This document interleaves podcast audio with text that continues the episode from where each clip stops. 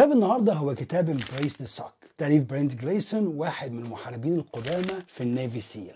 واللي بيشارك معانا فيه طرق بيستخدمها أفراد ال Navy SEAL للتغلب على الصعاب والعوائق اللي بتقابلهم واللي ممكن تكون نفسية أو بدنية أو في أوقات كتير الاتنين مع بعض.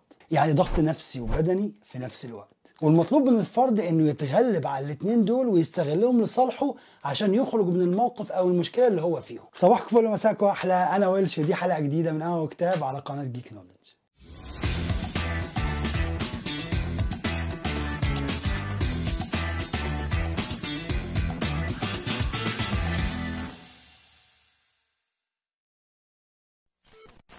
الملخصات مش قراية ولا تغني عن النسخة الكاملة من الكتاب. حلقات القناة هدفها ترشيح وتلخيص ومراجعة ومناقشة وعرض أفكار الكتب والأهم تشجيعك على القراية. طبعا صوت البتاع ده طالع.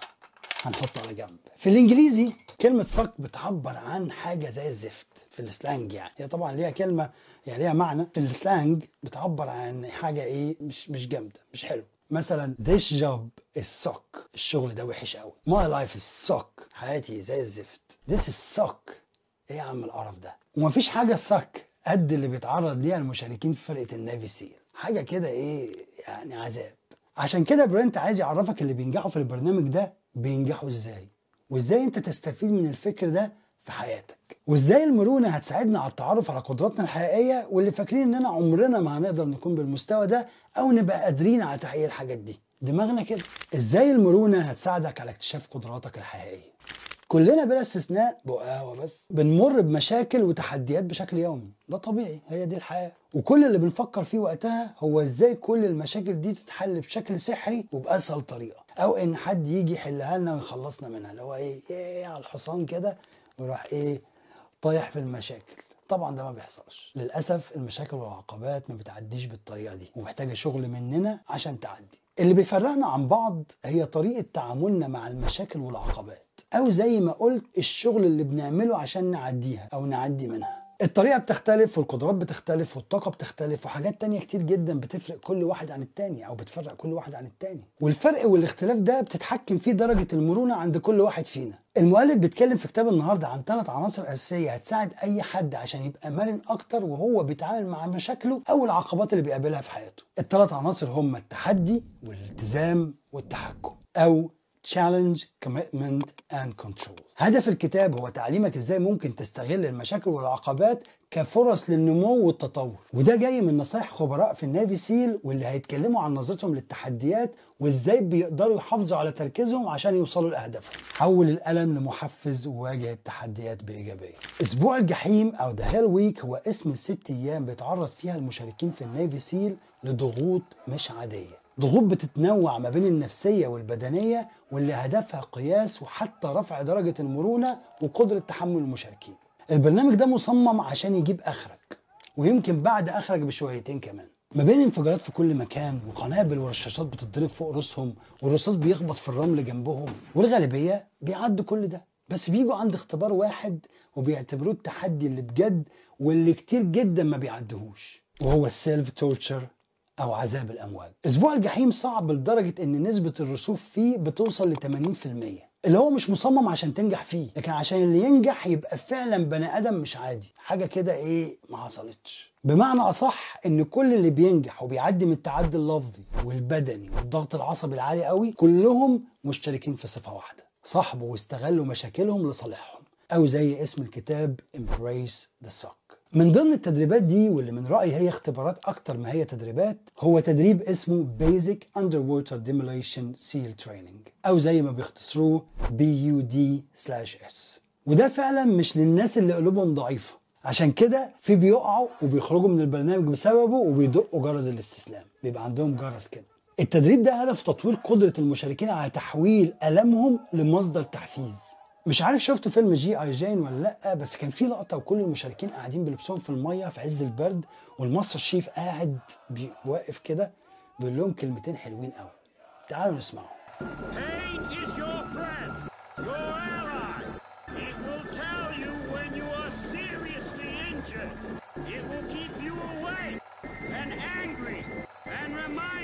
Finish the job. But you know the best thing about pain? No! It lets you know you're not dead yet!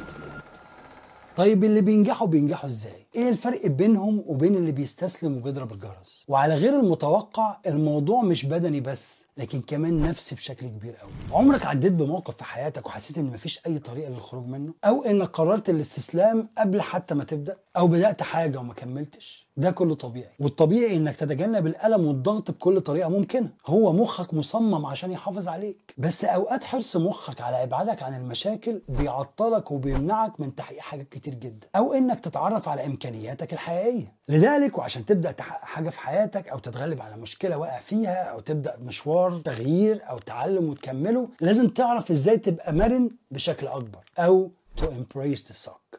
المرونة هنا أو ال resilience أو الصمود قدرتك على الصمود خاصة بالمرونة النفسية صمودك النفسي. لأن الصمود يعني هي بتترجم صمود وبتترجم مرونة برضه. بس إحنا بنتكلم دلوقتي على المرونة النفسية. المرونة النفسية هتؤدي للصمود. يعني اقرأ عنها شوية. وأنا هقول لك برضه هكلمك عنها. وخليني أقول لك تعريفها بسرعة Resilience is the process and outcome of successfully adapting to difficult or challenging life experiences, especially through mental, emotional, and behavioral flexibility and adjustment to external and internal demands أو إنها قدرتك على التكيف مع الظروف الصعبة والمشاكل والتحديات اللي حواليك بالاعتماد على المرونة العقلية والسلوكية والعاطفية وتتكيف وتتغير بحسب الظروف الداخلية والخارجية زي الكاوتش كده التحديات دي زي البلد ظروفها وحشة. أنا كبرت مفيش وقت مفيش فلوس. عندي أولاد بشتغل ساعات طويلة مفيش شغل.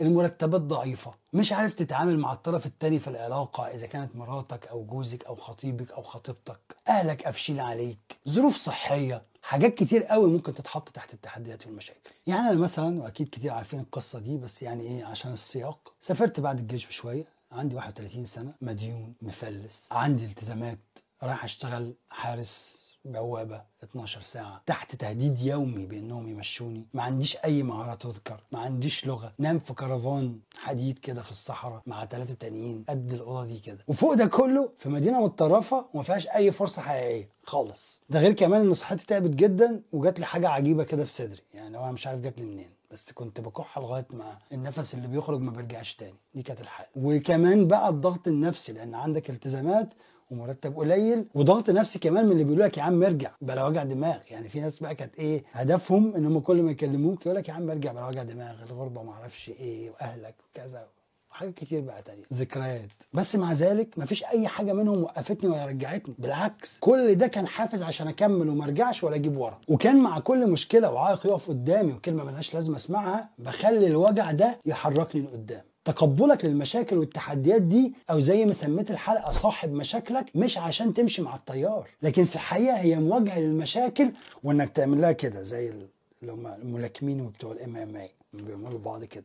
عارفين أنتوا دي؟ وده معناه إنك لازم تتقبل حقيقه مهمة قوي. إنك مش مسيطر على كل حاجة حواليك وبتحصل لك ولا ليك يد في معظمهم. يعني معظم الحاجات اللي بتحصل دي. لكن اللي تحت سيطرتك وليك يد فيه هو إزاي بتتفاعل معاها وإيه رد فعلك على اللي بيحصل. أنت ممكن تتعرض لمواقف أصعب ما تكون. ويبقى الطريق الوحيد للخروج منها هي المرونة النفسية والتعامل معاها بعقلية إيجابية. ما بقولش بقى العقلية الإيجابية بتاعت إيه مج المج في الجنينة وكل حاجة كنافة بالمانجا والكلام ده. لا مش دي العقلية الإيجابية خالص. مش دي عقلية عمارة الإيجابية. وهقول لك مثال تاني واقعي وحصل. لو أنا بصيت على اللي كنت فيه واستسلمت له ما كنتش هعمل أي حاجة تانية في حياتي. الحقيقة إن تغيير نظرتي للعوائق دي هو اللي خلاني أكمل. لأني ما بقتش شايفها عوائق. يعني ما بقتش عائق قدامي. قد ما شايفها فرصة وطريقة جديدة لبناء شخصيتي بشكل تاني والتطور بقى وقتها بشكل صحيح. يناسب الدنيا. انت في تنهار تحت الوزن أو تعمل بيه ولو عده واحدة عده واحدة بس أو حتى نص عده وعايز أقول لك كمان ربع عده اللي هو بس إيه ترفع بس رفع كده أكيد حد من اللي بيتفرج دلوقتي شال شكار أسمنت أو رمل قبل كده. أكيد يعني. عارف بقى لما تروح تشتغل لأول مرة في حياتك وتبص على وزن الشكارة وأنت لسه عيل أول مرة تجرب تشيل أسمنت؟ وتترعب. تترعب من الرقم وحجم الشكارة. وتيجي ترفعها تلاقيها فعلا مش عايزة تتحرك. إيه ده؟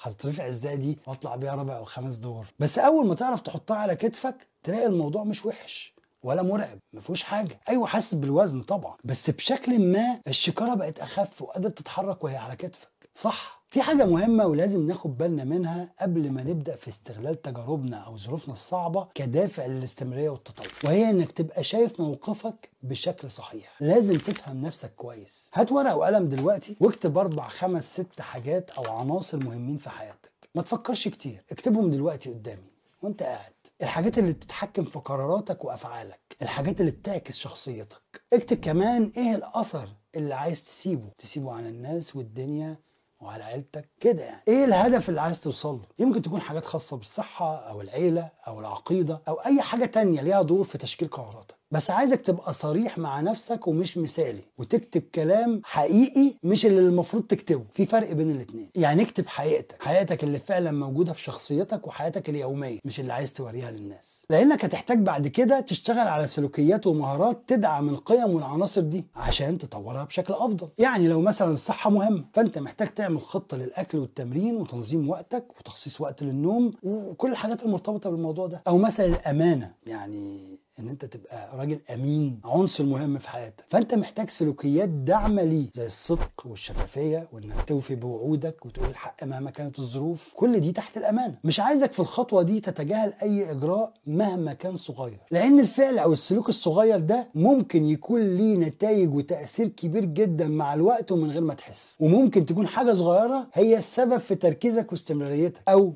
إن أنت ما تكملش أو تشتيتك مع الوقت. فتلاقي نفسك ماشي في سكة تانية بعيدة عن العنصر اللي أنت عايزه. وانت فاكر إن أنت ماشي ناحيته. فمثلا مهم جدا يكون عندك طريقة تسجل فيها أهدافك وخطواتك الجاية. لأن ده هيحط مسؤولية عليك قدام نفسك ودي حاجة ضرورية جدا. وكنت قلت قبل كده خلي أهدافك قدامك بشكل دايم اطبعها على ورقة وعلقها في مكتبك. هات ورقة ولا أجندة ولا notebook ولا أي حاجة سجل فيها اللي أنت بتعمله. والنقطة اللي بدأت منها والنقطة اللي عايز توصل لها أو اللي وصلت لها. خلي التدوين الشخصي اليومي حاجة في حياتك.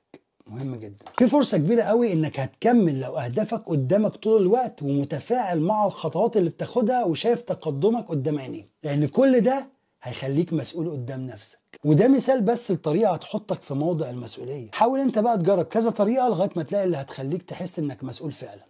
كذا حاجة كده. ومش عايزك بقى لما تبدأ إيه تنتكس وتكسل تقعد تجلد نفسك. لا ما تشغلش عقلك بالكلام ده. لازم تكون متأكد من جواك ان مفيش مفر ولازم الحاجات دي تحصل لك. الانتكاسات والفشل والضعف كل الكلام ده. هي دي الحياة وهي دي طبيعة أي رحلة. مهما قصرت أو طولت لازم يحصل. الانتكاس والفشل والكبوات كل ده لازم يحصل. وبدل ما تشغل دماغك ووقتك بالجلد والزعل اشغلهم بإنك تلاقي سبب المشكلة. حصلت ليه؟ أنهي سلوك من السلوكيات اللي قلنا عليها اللي هي الداعمة دي محتاج يتظبط عشان نقدر نوصل للي عايزينه. أنهي soft skill محتاجة تتطور. يمكن بتاكل سعرات خفية اللي هو ماشي في البيت بتلوش يمين وشمال وتقول دي snacks عشان كده ال diet باظ. وانت بقى إيه أنا ملتزم وباكل بس سلطة. بس انت ماشي طول النهار تفتح التلاجة وتقفش هنا وتقفش هنا. وقتها بقى محتاج تتعلم تحسب السعرات كويس أو تقرأ أكتر عن الأكل الصحي. الأكل الصحي اللي بجد مش اللي بيتكلموا عنه دكاترة الطب اللي بديل مش البديل اللي بديل اقعد وحلل أفعالك والمشكلة وشوف إيه اللي تسبب فيها. هو ده. لسه سيف ماياموتو معايا. ده مش بس هيبني شخصيتك لكن هيبني ده. يعني بطريقة تانية انت مش محتاج تقف كتير وتتعلق بالأخطاء والمشاكل وتخليها السبب في إن حياتك تقف وتستسلم. لكنك محتاج تتعلم من أخطائك. محتاج تحط العقبات في حجمها الحقيقي إنها عقبات مش النهاية. وإن دايما في مخرج وطريقة بس أنت لسه مش شايفها. محتاج تبص للعقبات على إنها فرص للنمو عشان تطلع level في ال game مش نهاية ال game لما تعمل كده وتبدأ تصاحب مشاكلك وما تخليهاش ترعبك أو تحبطك زي ما بيحصل دلوقتي يعني هتبدأ تشوف الدنيا من حواليك بشكل أوضح بطريقة جديدة هتبدأ تعرف أولوياتك الحقيقية. Use stress and failure to learn and grow. فشلك هينجحك. مهمة فرقة ال SEAL كانت واضحة جدا. لازم يتعرفوا على مكان هدف في غاية الأهمية. بس عشان مفيش حاجة بتمشي دايما على الخطة اللي عاملينها ولازم يطلع لك بتاع كده فيها أول ما الفرقة وصلت المكان كاوتش الهامر فرقع إيه يا عم الحوادث العجيبة دي؟ فطبعا وقفوا عشان يغيروا العجلة. بس ده كان معناه إنهم هيفضلوا في نفس المكان أطول من اللازم. لذلك المشاكل ما خلصتش بالكاوتش اللي فرقع. لا دي بدأت. عارف انت لما حاجة تلاقي إيه كله بيضرب في وقت واحد؟ لأنهم بعد ما غيروا الكاوتش واتحركوا ووصلوا للمكان اللي فيه الهدف وقف قدامهم مجموعة كبيرة قوي من المواشي والمعيز والجديان. وطبعا عطلتهم عن ميعاد المهمة بتاعتهم. ومش بس كده لما دخلوا وقعوا في بركة طين اللي هو مش فاهم في إيه. المهم عدوا كل ده ولقوا مخزن الأسلحة وحملوها في العربيات. أو في عربيتهم يعني. شكرا كده. لا. وهم راجعين واحدة من عربياتهم خبطت في كوبري. خبطت يعني إيه بتعدي من تحت الكوبري راحت راشقة في تحتيه كده. طبعا ده قفل الدنيا. واحتاجوا بقى يحركوا كل حاجة عشان يخلوا الطريق والطريق يمشي. بس الموضوع ده أخد لوحده ساعتين عشان يخلص. وفي الآخر سابوا العربية المرسيدس اللي عملت الحادثة والعربيات اتحركت وراحت سلمت السلاح اللي مسكوه وبعدين رجعوا تاني عشان يجيبوا العربية اللي سابوها لكن لقوها طبعا اتفككت واتسرقت كلها. ما إحنا بنتكلم في عربية يعني ب 300 ألف دولار. بس مع كل ده أفراد الفرقة كانوا باردين جدا. أو تقدر تقول هاديين جدا. ولا حد بيزعق ولا حد متنرفز ولا حد بيتخانق ولا حد مثلا إيه انهار وقال لك مش هقدر أنزل المية. والكلام ده. عارفين الضفدع البشري؟ ليه بقى؟ إيه اللي خلاهم يتعاملوا بهدوء مع كل المشاكل والعقبات اللي قابلتهم؟ واللي مش بس بتهدد نجاح المهمة لكن بتهدد حياتهم نفسهم. الإجابة بسيطة لحد ما. المثابرة والتصميم من أهم الحاجات اللي بيتدرب عليها أفراد السيل اللي هو بيشيلوا من حساباتهم وقاموسهم كلمة استسلام وبيبصوا للفشل على أنه فرصة للتعلم فبيتعاملوا مع المصاعب اللي بتقابلهم بهدوء. ولو طبقت الطريقة دي على حياتك هتبدأ تتعامل مع الحاجات غير المريحة بهدوء أكتر. زي ما قلت قبل كده كتير الاستمرارية والالتزام مش إنك تعمل وأنت في أفضل حالاتك لكن إنك تعمل وأنت أصلا مش عايز تعمل. من الآخر كده مش بمزاجك. لأنك لو سبتها لمزاجك يبقى مش هتعمل حاجة خالص. خالص. كمان لازم تبقى واعي لحاجة مهمة قوي وهي إن الرحلة في أصلها مش ممتعة ولا حاجة. لكن بنتعلم نحط لها زيادات تخلينا نكمل. زي المكان اللي بنذاكر فيه المزيكا اللي بنسمعها درجة الحرارة آه، فترات الراحة كل الحاجات دي. أنا ما بقولش الرحلة ممتعة.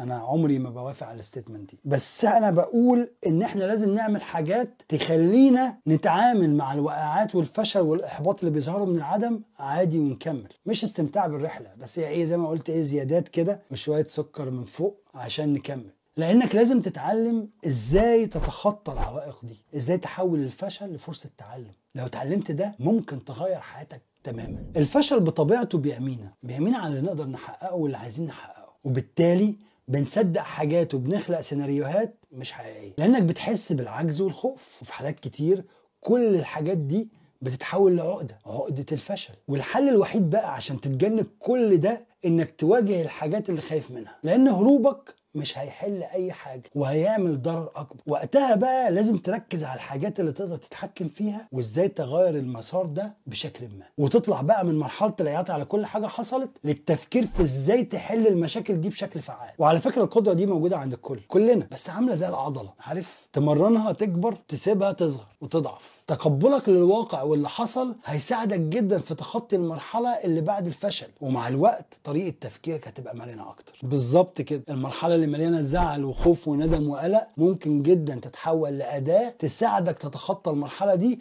بل وتكبر وتتطور بسببها. من زمان وأنا مقتنع إن الفشل هو سبب النجاح. في حالة لو تعاملنا معاه بشكل صحيح وبدل ما نقعد في ركن الأوضة نعيط على حظنا نشغل نفسنا بإزاي نحل وليه فشلنا وإيه اللي ممكن نتعلمه وإيه اللي لازم ما نكرروش. فكر كده فكر في الوقت اللي نجحت فيه. نجحت في امتحان اتعلمت لغة مهارة أي حاجة. كنت وقتها قلقان ومتوتر صح؟ أكيد يعني. ومع ذلك استغلت القلق والتوتر والخوف ده وذاكرت واتعلمت ونجحت. عملت كل ده من غير ما تركز معاهم قوي. بس استغلتهم. علي كرام وتوماس كرام ودول علماء علم نفس اتكلموا عن الموضوع ده وعملوا نموذج لمساعدة الناس على استغلال الخوف والتوتر والاستفادة منهم وقسموا النموذج بتاعهم لثلاث خطوات. وبالمناسبة هم كتبوا عن النموذج بتاعهم في Harvard Business Review في 2015 وبسيب link المقال في وصف الفيديو. المهم إيه هم الثلاث خطوات؟ الخطوة الأولى ما تعملش نفسك مش شايفها، اللي هو بمعنى أصح ما تعملش عبيط وتتجاهل اللي حاسس بيه. اعترف قدام نفسك بالضغط النفسي اللي بتعاني منه، وشوف وافهم انت ليه حاسس باللي انت حاسس بيه؟ في بحث خاص بعلم الأعصاب عمله مات ليبرمان أستاذ علم الأعصاب المعرفي والاجتماعي في جامعة كاليفورنيا لقى إن مجرد الاعتراف بالتوتر والضغط النفسي اللي بتمر بيه بيغير طريقة تعاملك معاه وبيخليك تتعامل بعقلانية أكتر. والاعتراف هنا معناه زي ما قلت قبل كده بالظبط بدل ما تقعد في ركن الأوضة خايف وبتعيط قوم بص في المراية واتكلم مع نفسك وشوف إيه اللي ممكن تعملوه عشان تحلوا الموضوع ده. هبقى link الدراسة في وصف الفيديو.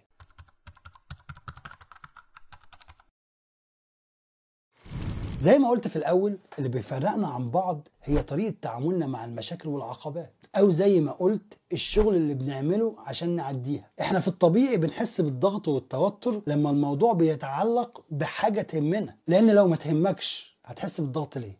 ولا هتخاف وتتوتر ليه؟ طريقة التفكير دي هتخليك تشوف الأمور بشكل مختلف تماما لأنك وقتها هتدرك إن الحاجات العظيمة والمهمة ما بتجيش بسهولة. وإن التوتر والخوف والقلق جزء لا يتجزأ من الرحلة. لذلك دايما بقول إن الرحلة في واقعها وأصلها مش ممتعة ولا حاجة. بس إحنا زي ما قلت في الجزء الأول بنخليها ممتعة بشوية حاجات كده بنرشها على الوش عشان نعرف نبلعها يعني. وفي المقال اللي اتكلمت عنه هتلاقيهم جايبين مثال حلو قوي تخيل نفسك كده ليلة برد وضلمة عند جبل إيفرست. فالطبيعي إنك لو هتتسلق الجبل أو ناوي تتسلقه فهتتوقع إنك هتعمل ده في الضلمة والبرد صح؟ منطق. ما هو تسلق جبل إيفرست مش زي تمشية في شارع شبرا. دي حاجة صعبة جدا. مليانة ضغط وخوف وقلق. ده تسلق جبل. طب أنت بقى متوقع إن إدارة عيلة أو تربية طفل أو إدارة شركة أو تطوير نفسك هتبقى حاجة سهلة؟ يعني ده جبل. هتطلع جبل. بالصعوبة اللي هو فيها كلها هل أنت متخيل إن الحاجات دي هتبقى سهلة؟ مستحيل. الحياة عاملة زي تسلق الجبل في ليلة ضلمة وبرد. مليانة تعب وضغوط وخوف وقلق. جزء لا يتجزأ منها. بس لما جيت تتسلق الجبل واجهت الحاجات دي وطلعت. سيطرت على كل اللي حاسس بيه واستغليته عشان تخطط كويس وتاخد بالك وتبقى حذر وواعي وانت بتعمله. مواجهتك وتعاملك مع الضغوط مش هيخليها تختفي لكن هيخليك قادر تتعامل معاها وتبقى مصدر لتحفيزك. كل ما تبص تحت وتشوف انت طلعت قد إيه هتقول قربت خلاص. مع انك ممكن تكون جنب واحد تاني يعني في واحد تاني طالع جنبك ويقول لك لا يا عم عالية قوي مش هكمل. صح؟ إزاي انت بتتعامل بيحكم انت هتكمل إزاي وهتكمل ولا لا.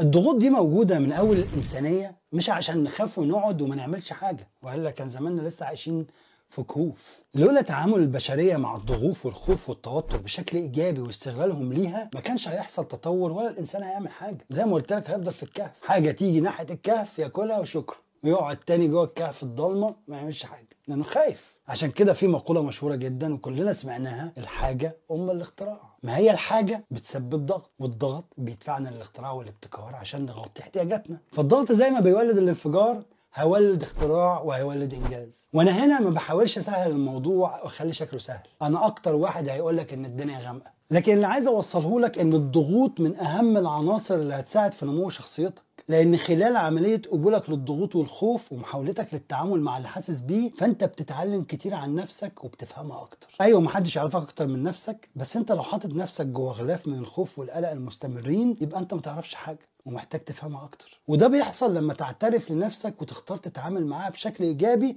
وتبدأ فعلا تستخدمها لصالحك.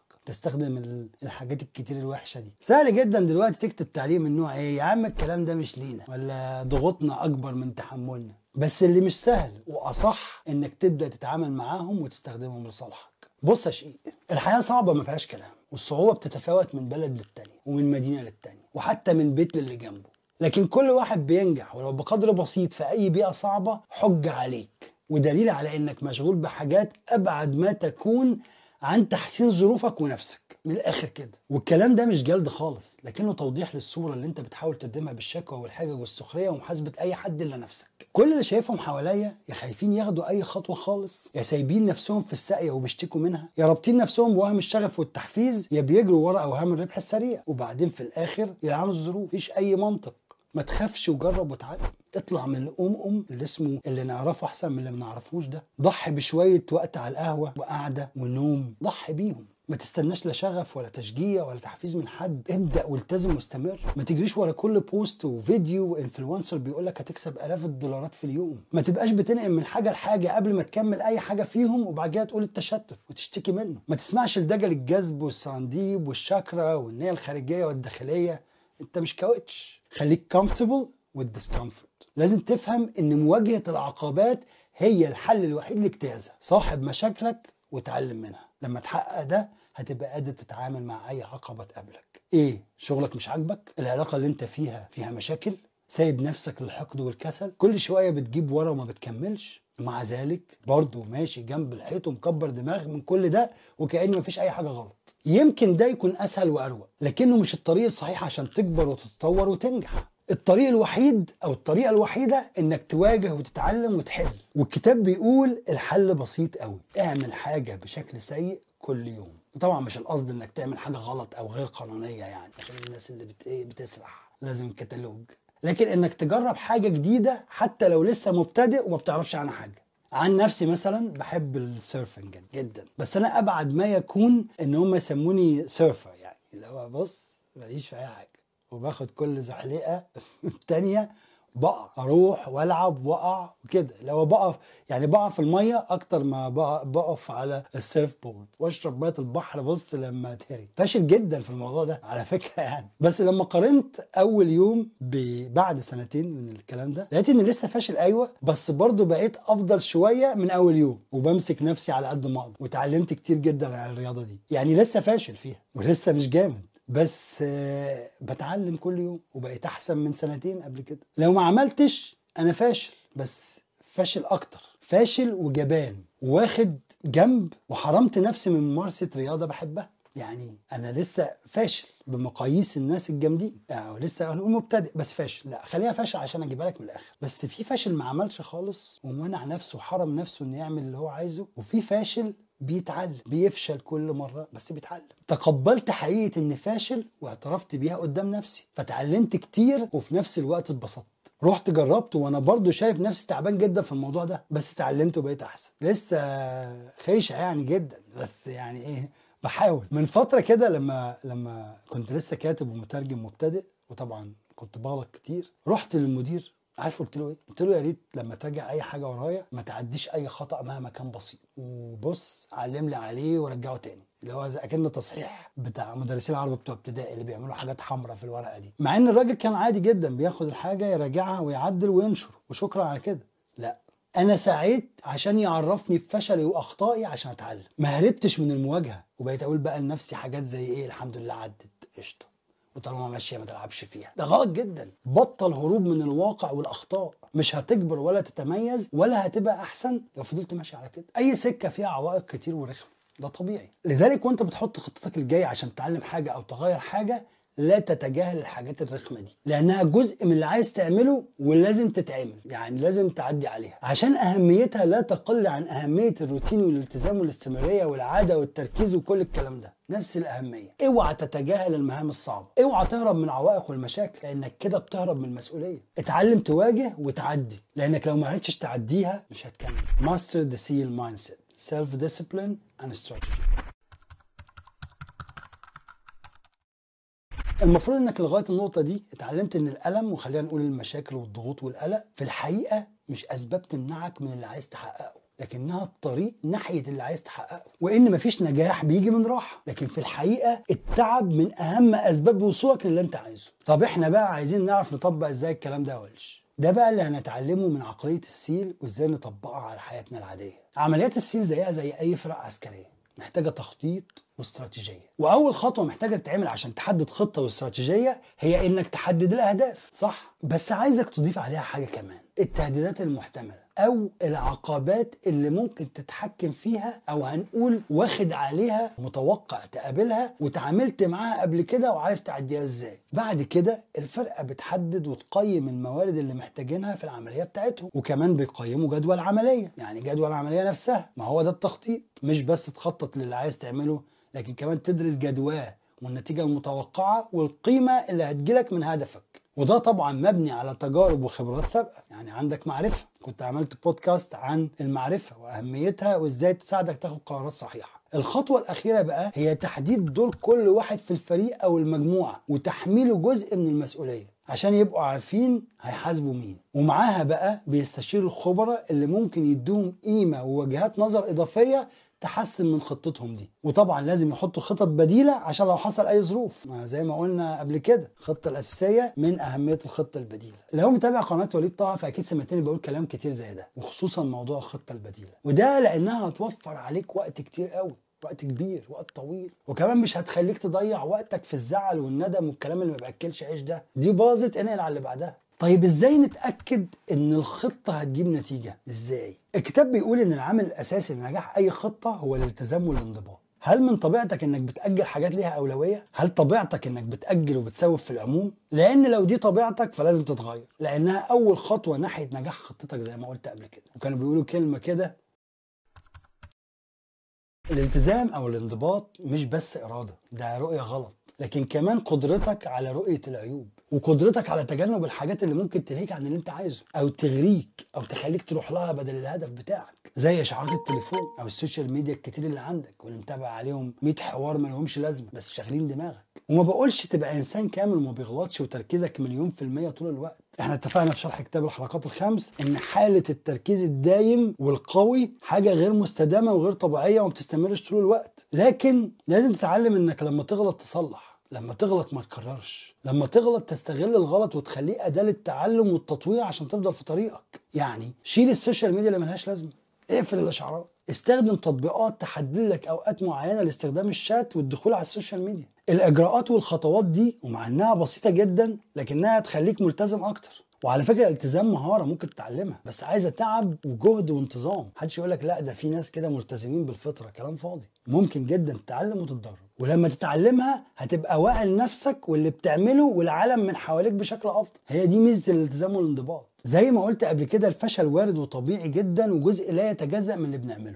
هو موجود. النتيجة اللي هتحققها والهدف اللي هتوصل له في الحقيقة هم خليط من الخطوات الفاشلة والناجحة مش نجاح طول الوقت. لذلك لازم تتعلم إزاي تتغلب على الاحساس اللي بيجيلك بعد كل خطوة أو تجربة فاشلة. ولا ذنب ولا ندم ولا زعل ولا احباط ينفعوا يخلوك ما تكملش. الفشل اللي حصل لك ما هو إلا تحدي جديد أو عائق محتاج تعديه. محتاج تعرف تعديه إزاي. لكنه مش نهاية الطريق. وهكرر تاني الفشل مدرسة هتعلمك كتير قوي لو ركزت في أسبابه وإزاي تحلها وتصلحها. جلد الذات والشعور بالذنب مش هيعملوا أي حاجة إيجابية في حياتك ولا هيغيروا الواقع ولا هيرجعوا الزمن. لكنهم هيخلوك تحبط نفسك وما تعملش حاجة. ليه تضيع حياتك في كل حاجة سلبية حصلت أو بتحصل وأنت في إيدك تستغلها وتستفيد منها في التعلم والتطوير ومحاولة العثور على حل للمشكله تغيير بسيط قوي في طريقة تفكيرك ممكن يفرق معاك كتير جدا في المستقبل. جلد الذات والندم والزعل والإحباط مش معناهم إن أنت بتتحمل مسؤولية أفعالك. ده كلام فاضي. اللي هو إيه طالما أنت عملت حاجة غلط فلازم بقى تعيط وتعمل وبتاع وتتأثر وتتشحتف ليل ونهار وتجلد نفسك. كلام فاضي. لا ده مفهوم غلط جدا. تحمل مسؤولية أفعالك يعني تشتغل كويس وتحل وتصلح وتتعلم. ده تحمل المسؤولية مش تتشغل بالعياط. كمان أنت عندك هدف وغاية ومش فاضي تتشغل بحاجات جانبية بتحصل حواليك. علاقات ملهاش لازمة سهرات خروجات ألعاب social media حاجات غيرها كتير. هل عايز تنشغل بالحاجات دي وتستمر زي ما أنت؟ محققتش أي حاجة وكل يومين ثلاثة تجيلك نوبة من الندم تنيمك أسبوع ولا تعيش بتسعى وبتحاول توصل؟ وحتى يعني مش بتحاول بس لا توصل اللي أنت عايزه. وبدل الندم تفتكر التعب وتضحك. فاهمني؟ ولا إيه؟ قبل ما أقفل عايز أقول لك كلمتين. أنت فاهم الخوف غلط زي ما كنت فاهم الفشل غلط. الخوف مش موجود ع... الخوف مش موجود عشان يخليك ما تكملش أو ما تعملش. لكن عشان تخطط كويس وتاخد خطوات صحيحة ناحية مستقبل أفضل. سامعين الحاج بيعيط ابني ها آه، تقريبا عايز حاجة و... وتقريبا هي هتبقى تشيبس أو حاجة. المهم يعني الخوف مش موجود عشان يخليك ما تعملش لكن عشان تخطط كويس وتاخد خطوات صحيحة ناحية مستقبل أفضل ليك. تحملك للتعب والإرهاق النفسي والبدني اللي هو جزء من الرحلة هيساعدك فوق ما تتخيل. عايزك كده تمان اب وتجمد عشان مفيش غير كده اللي هيخليك تكمل. لازم تقعد مع نفسك كل فترة وتبص على حياتك من بره أو من فوق وتقيمها وتحدد أولوياتك على الاساس ده. وبعدين تخطط كويس. ما تسيبش حياتك للصدف ولا للتيار يحركك. خطط وابدأ وقاوم وحارب عشان توصل. هي دي الحياة وحرام تقضيها في خوف. هدفك إنك تعيش حياة ليها قيمة وتحقق فيها ولو جزء بسيط من اللي أنت عايزه وتسيب ورث تفتخر بيه. أشوفك الحلقة الجاية مع كتاب جديد. قراية سعيدة. over now.